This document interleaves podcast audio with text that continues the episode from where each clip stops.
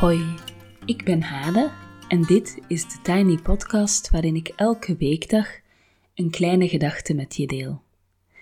Vandaag is het woensdag 9 juni 2021 en de kleine gedachte gaat over de podcast waar ik de laatste tijd naar luister. Ik heb periodes waarin ik heel veel naar podcasts luister en periodes waarin ik minder luister. Het meeste uh, heb ik geluisterd in de periode dat ik ongeveer 20 uur per week in de auto zat. Voor mijn werk uiteraard, niet voor mijn plezier. Uh, hoewel ik rijden ja, best fijn vind en het een heel onecologische foute hobby is van mij. Maar de auto is dus mijn favoriete luisterplek. Alleen gebruik ik de auto op dit moment, door die hele coronacrisis, uh, gemiddeld één keer per maand. Um, en ook als gezin doen we zoveel mogelijk met de bakfiets, fietsen, eventueel met de trein als we, als we naar zee gaan. Uh, dus in die zin is er weinig gelegenheid om in de auto naar podcasts te luisteren. Wandelen of fietsen met een podcast vind ik ook prima. Of bijvoorbeeld naar de Albert Heijn met een podcast in mijn oren. Het is niet heel sociaal, maar in deze tijden van social distancing is de kans dat je, of dat ik alleszins met iemand in de supermarkt een gesprekje ga voeren, is toch niet heel groot. Ook saaie, repetitieve werkjes gaan bij mij heel goed met een podcast. Bijvoorbeeld mijn kantoor opruimen en stofzuigen, uh, de was thuis opvouwen of het verschrikkelijkste wat er is, het papier wegbrengen. Uh, hier in Nederland heb je containers uh, in de buurt van je huis waar je zelf je papier naartoe moet brengen. Die zitten dan gedeeltelijk onder de grond. Um, maar dat betekent dus dat je van die wandelingetjes hebt, zoals je in België naar de glasbol gaat. Zo ga je in Nederland je plastic, je papier, uh, of toch in Haarlem, en je glas ook naar zo'n punt wegbrengen. En dat vind ik altijd echt zo. Ja, ik vind het heel belangrijk natuurlijk om te recycleren. Of aan recycling te doen, zoals ze hier zeggen. Dus daar gaat het niet om, maar zo die stomme wandelingetjes met een karretje vol papier, dat vind ik altijd echt, ja, echt stom, zeg maar, echt tijdverspilling. Behalve dan als ik een podcast luister, dan voelt het een beetje meditatief of zo. Als ik mag kiezen tussen een podcast en tv kijken, kies ik echt zonder twijfelen meteen voor een podcast. Um, ik merk dat het auditieve kanaal voor mij veel meer binnenkomt um, en dat een podcast luisteren voor mij echt een momentje van genot en even mezelf verwennen kan zijn. Uh, gisteren heb ik bijvoorbeeld lekker buiten op een bankje uh, naast de tiny office een broodje gegeten uh, met een podcast en dat was echt heerlijk. Maar waar luister ik dan naar? um, ik ga vandaag vijf of zelfs zes tips geven voor podcasts vanuit de podcast waar ik dus zelf naar luister de laatste tijd. Het eerste. Uh, sowieso probeer ik elke dag de krantencommentaren van Clara te beluisteren. Ik vind dat altijd kort en krachtig, duurt ongeveer vijf minuutjes meestal, en ook vaak stof tot nadenken. Dus in die krantencommentaren uh, krijg je vaak uh, ja, dus een visie van iemand op iets wat in het nieuws is. En daar worden natuurlijk altijd pertinente vragen bij gesteld of um, ja, toch heel expliciete mening verkondigt. Wat dat bij mij wel oproept dat ik dan ga nadenken of ik er ook zo in sta of dat ik er toch anders over denk. Ik vind het stiekem, uh, of niet stiekem, want ik vertel het gewoon, ook best een luxe dat iemand voor mij alle kranten heeft gelezen en die commentaren heeft geanalyseerd, die tot een tekst heeft verwerkt en die dan ook heeft voorgelezen. Dat is echt het ultieme voorgekoude uh, iets wat je kan krijgen, waardoor je jezelf uh, veel tijd kan besparen. Als je in het andere geval zelf al die uh, commentaren zou willen lezen in de krant. Dan een tweede. Ehm, en dat is eigenlijk een dubbele tip. Ik was de laatste tijd heel erg onder de indruk van de podcast buiten de muren en binnen de muren. Uh, recent moest ik een keer, uh, of reed ik een keer in dat maandelijkse autoritje naar uh, Zeeland om daar te werken. En ik heb eigenlijk, ja, dat is dan toch een rit van makkelijk 2,5 uur. En ik heb eigenlijk de hele heen- en de hele terugrit heb ik geluisterd naar buiten en binnen de muren. Ik ben begonnen met buiten de muren en daarna naar binnen de muren gaan luisteren. Maar als je aangesproken wordt door deze podcast, dan zou ik beginnen met binnen de muren en daarna buiten de muren luisteren. Uh, hoewel je ook wel voelt of hoort als luisteraar dat Marjolein Knol, die de uh, podcast maakt, dat die ook wel sterk geëvolueerd is. Dus zij heeft eerst binnen de muren gemaakt en daarna buiten de muren. En buiten de muren klinkt voor mij toch wat rijper en wat, um, ja, nou ja, op een fijne manier zeg maar uitgewerkt. Maar beide vind ik ze dus echt heel goed. Waar gaat het over? Uh, Marjolein Knol geeft ons in Binnen de Muren een kijkje in de voor mij vrij onbekende wereld van het gevangeniswezen. Ze spreekt met gevangenen en bewakers en neemt ons mee op de afdelingen en in de cellen en brengt verslag uit van wat er daar gebeurt. Van het dagdagelijkse, zoals bijvoorbeeld boodschappen doen en koken, hoe doe je dat als je in de gevangenis zit, tot de conflicten die er zijn en de vervelende gevolgen daarvan. Buiten de muren is het vervolg van binnen de muren en zoomt uh, in op twee gevangenen met echt een heel verschillende um, reden van ja, dat ze in de gevangenis zijn of hebben gezeten of zitten. Dus uh, ze zoomt in op twee gevangenen uh, in de periode net voor, maar vooral na hun vrijlating. Statistisch gezien hebben ze weinig kans om hun goede voornemens uh, om een nieuw leven te starten waar te maken. Uh, de helft van de ex-gevangenen vervalt immers in oude fouten. Dus dat is best een grote, uh, ja, een groot percentage mensen die terug, uh, uiteindelijk ook terug in de gevangenis terechtkomt. Heel mooi vind ik dat er in de omschrijving staat dat de podcast gaat over kansen krijgen, kansen benutten en de vraag wanneer je echt vrij bent. En ik vind het altijd fijn als ik bij het luisteren meegenomen word in de complexiteit van een situatie. Tijdens het luisteren worden voor mij perspectieven van de maatschappij geopend, uh, van de betrokken personeelsleden, van de gevangenen zelf en hun familie, ook al komen die niet expliciet, de gevangenen wel, maar familie komt niet uitgebreid aan bod. Uh, ik denk ook aan de families van de slachtoffers, uh, ook al worden zij niet geïnterviewd zij zijn daar voor mij ook ergens in dat veld uh, aanwezig. Um, en er is echt ruimte voor schakeringen in mijn hoofd als ik luister, omdat het verhaal, of ja, de manier waarop Marjolein het dan gemaakt heeft, is heel beschrijvend, maar niet strak geduid of ingevuld. En dat vind ik echt heel waardevol, omdat je als luisteraar heb je gewoon ruimte om je eigen gedachten te formuleren, um, en ik denk dat ik wel zo'n linkse rakker ben die denkt dat gevangenissen niet werken. Of dat dat niet de manier zou mogen zijn om met mensen om te gaan. We weten ook dat veel uh, lichte delinquenten bijvoorbeeld veel zwaardere dingen leren in de gevangenis. Um, maar door deze reeks ben ik daar enerzijds nog meer van overtuigd geraakt. Je hebt bijvoorbeeld, uh, gaat op een bepaald moment gaat het over de afhankelijkheid die iemand krijgt um, door in de gevangenis te zitten, dat je eigenlijk je autonomie verliest. En uh, wat mij heel erg raakte was van ja, een man die na een gevangenisstraf s ochtends op zijn slaapkamer wachtte tot de deur werd opengedaan.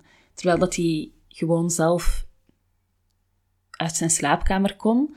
Maar die was gewoon zo gewend aan het feit dat de bewakers op een bepaald moment de deur kwamen opendoen, uh, dat die uh, ook thuis zat te wachten tot de deur werd geopend voor hem. dus enerzijds denk ik van ja, dat is heel onmenselijk.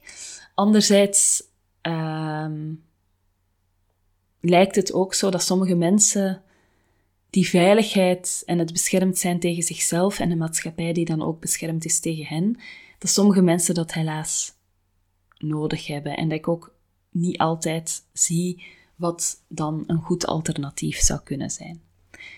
Ehm, dit, is, dit zijn gewoon maar. Dit is niet mijn eindconclusie of zo, dit zijn gewoon maar bedenkingen. Maar ik vind het altijd fijn als dingen niet zwart-wit zijn, uh, maar als er zo ruimte is om verschillende posities te voelen en daarmee te verbinden. En ik vind dat die podcast van Marjolein Knol, binnen en buiten de muren, beide podcasts, dat echt heel goed doen, zodat je die ruimte als luisteraar echt hebt. Dan uh, ben ik op dit moment aan het luisteren naar Who Killed Alberta Williams. Uh, het lijkt een titel voor een true crime podcast en dat vind ik echt een geweldig genre. En het begint ook zo. Een jonge vrouw wordt vermoord, teruggevonden langs de, heel dramatisch, Highway of Tears, drie weken nadat ze verdwenen is na een avondje uit. Een journaliste, daar begint het verhaal, krijgt een mail waarin staat wie het gedaan heeft, uh, hoewel er dus niet nooit iemand voor veroordeeld is. En ze duikt echt in de case. En dan opent zich een extra luikje voor mij, omdat Alberta Williams een Indigenous woman is. Uh, en de geschiedenis die daarbij hoort, onder andere met verschrikkelijke toestanden op residential schools, gaat een rol spelen in het verhaal. Dus je krijgt naast zo die laag van die misdaad, die dan over die specifieke vrouw gaat, ga je lagen en lagen dieper um, naar um, de constatering dat de kans dat die indigenous women dan uh, vermoord worden, is vele malen groter dan de kans dat andere vrouwen vermoord worden. Um, en dan ga je dus lager en lager diep, dieper naar dat collectieve trauma van mishandeling, misbruik op die scholen, maar ook het wantrouwen in de autoriteiten. Uh, dus dat het moeilijk is om met politie te praten als je geen vertrouwen kan hebben uh, ja, in de autoriteiten van de samenleving, doordat je verschrikkelijke dingen hebt meegemaakt, of de generaties voor jou. En dat dat ook niet helpt bij het oplossen van een moord, omdat sommige mensen die misschien meer weten, uh, niet het vertrouwen hebben dat hun verhaal, uh, dat ze dat kunnen doen aan de politie en dan bijvoorbeeld vermijden om, uh, ja, om dat gesprek aan te gaan, waardoor sommige dingen dus um, niet opgelost worden. Ik vind het heel knap in die podcast hoe je en die spannende laag van die moord op Alberta hebt, maar echt heel, heel natuurlijk wordt meegenomen in die diepere lagen en uh, het maatschappelijke probleem. Ja, dat vind ik ontzettend intelligent uh, gemaakt en ik vind het echt een podcast om ademloos naar te luisteren.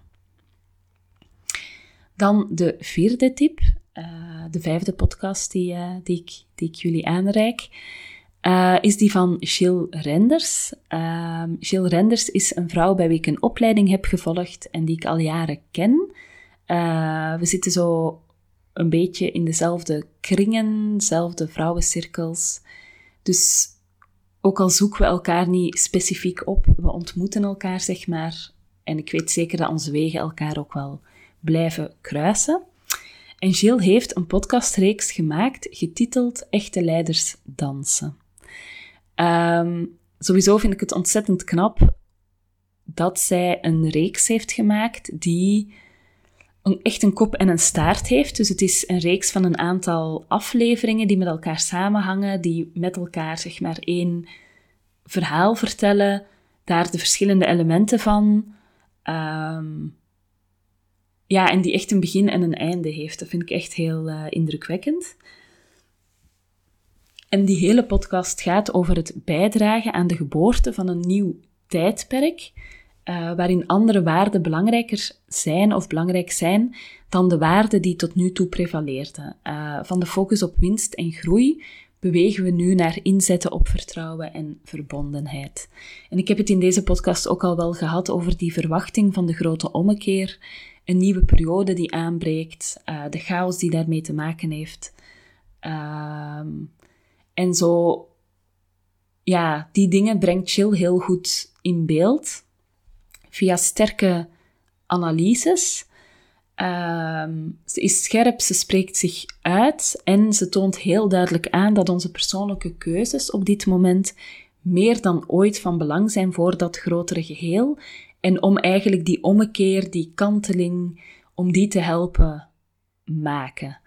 Ehm, en op die manier is het niet alleen een soort analyse of een ongelukkige uh, beschouwing van deze tijd. Integendeel, het is een heel hoopvol verhaal met ook heel concreet van wat staat ons te doen? Welke rol spelen wij in dat gebeuren? Kortom, een aanrader. Uh, de podcast heet Echte Leiders Dansen. En dan de vijfde en de laatste voor vandaag. Uh, een thema dat in mijn werk vaak terugkomt en in deze podcast dus ook, dus de Tiny Podcast, is het thema van prikkels, onderprikkeling en overprikkeling. Het zoeken van comfort zodat je prikkels goed kan managen en daarin je eigen handleiding kunnen vinden. In mijn geval betekent dat bijvoorbeeld slapen met een verzwaringsteken. Dat is echt een lifesaver voor mij, omdat ik daardoor gewoon echt veel beter en veel dieper kan slapen. Maar ook het werken met een geluidswerende koptelefoon op, uh, geen noise cancelling, maar echt simpelweg zo eentje die je kan gebruiken als je met drillboren werkt. En die geeft ook een bepaalde druk op mijn hoofd, dat vind ik ook best fijn. Um, als de kinderen tv kijken, dan ga ik bijvoorbeeld boven lezen, omdat ik tv en zeker tv voor kinderen druk vind. Um, ja, ik werk bijvoorbeeld alleen in een kantoortje. Um, dat zou je luxe kunnen vinden. Ik zou ook een hoekje in mijn huis ergens kunnen inrichten. maar voor mij werkt het heel goed dat dit een aparte plek is, dat ik mijn werk hier kan laten, dat ik dus thuis niet heel de tijd die prikkel heb van werk dat daar ligt, uh, waarvan ik het gevoel heb dat ik er wat mee moet. Um, en in mijn kleine kantoortje zit ik alleen. Ik heb ook al verschillende keren de vraag gekregen om mijn kantoor te delen met iemand, wat op zich een interessante financiële keuze zou zijn. Maar ik kies er bewust voor om hier alleen te zitten, uh, zodat ik niet geprikkeld, wordt door de aanwezigheid en de energie van iemand anders en daardoor bijvoorbeeld optimaal kan werken. Recent ontdekte ik de Prikkelpup podcast, uh, waar ik nog niet heel veel van heb kunnen luisteren, wel al wat. Um, ik wil wel graag de podcast alvast noemen, omdat ik denk dat het belangrijk is voor sommige mensen om hier naar te kunnen luisteren. Uh, met name als je zelf iemand bent die prikkelgevoelig is, dus gevoelig voor onder- en overprikkeling. Uh, dat kan te maken hebben met een bepaalde aandoening, zoals ADD, ADHD, autisme, hoogbegaafdheid, maar bijvoorbeeld ook met hoogsensitief zijn. Ik denk dat dat geen diagnose is, maar wel een karaktereigenschap, geloof ik. Um, maar je kan ook heel prikkelgevoelig zijn als je tijdelijk uh, een depressie hebt, of langduriger een depressie hebt, of een burn-out. Um, ik denk dat heel typisch voor burn-out ook is dat je prikkels veel intenser gaat beleven. Um, dus voor iedereen die op dit moment uh, te maken heeft met intensere prikkelgevoeligheid bij zichzelf of bij mensen uit de omgeving, um, zou ik deze podcast zeker onder de aandacht willen brengen. En het gaat dus over de Prikkelpup podcast. Voilà, tot zover de Tiny Podcast voor vandaag. Um, ik wil je zeker even uitnodigen om jouw favoriete podcast met mij te delen.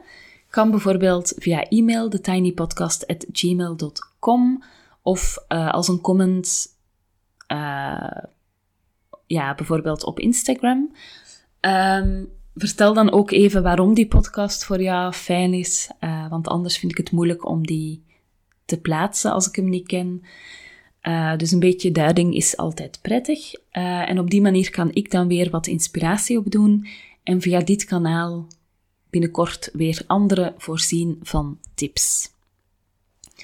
Morgen is er in deze podcast een dag uit mijn leven en voor nu wens ik je een prachtige dag.